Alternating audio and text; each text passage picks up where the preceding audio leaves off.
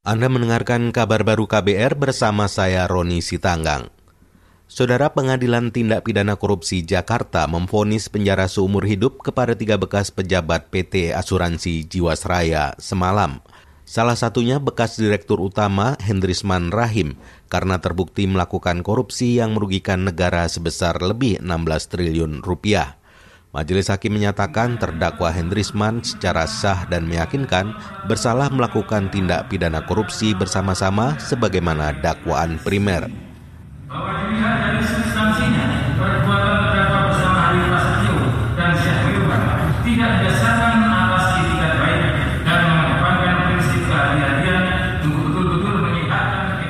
Putusan itu lebih tinggi dibanding tuntutan jaksa yang meminta agar Hendrisman dipidana penjara selama 20 tahun.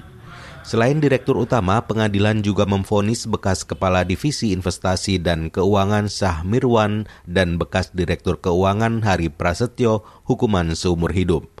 Putusan terhadap Sah Mirman lebih berat dari tuntutan jaksa, sedangkan vonis Hari sesuai tuntutan jaksa penjara seumur hidup.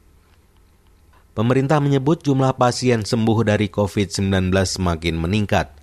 Juru bicara pemerintah Reisa Broto Asmoro mengatakan jumlah kasus aktif COVID juga menurun menjadi di bawah 20 persen. Dari total kasus aktif kita saat ini yang berjumlah 66.262, sebanyak 3.492 sudah selesai isolasi dan perawatan di hari ini. Angka kesembuhan COVID-19 Indonesia meningkat Hari ini sebanyak 258.519 kasus dinyatakan pulih kembali. Juru bicara pemerintah Reisa Broto Asmoro mengatakan rata-rata angka kesembuhan juga naik sekitar 1 persen.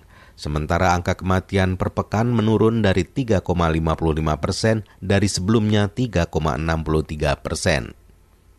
Kita ke mancanegara. Pemerintah Bangladesh menyetujui hukuman mati bagi pelaku pemerkosaan.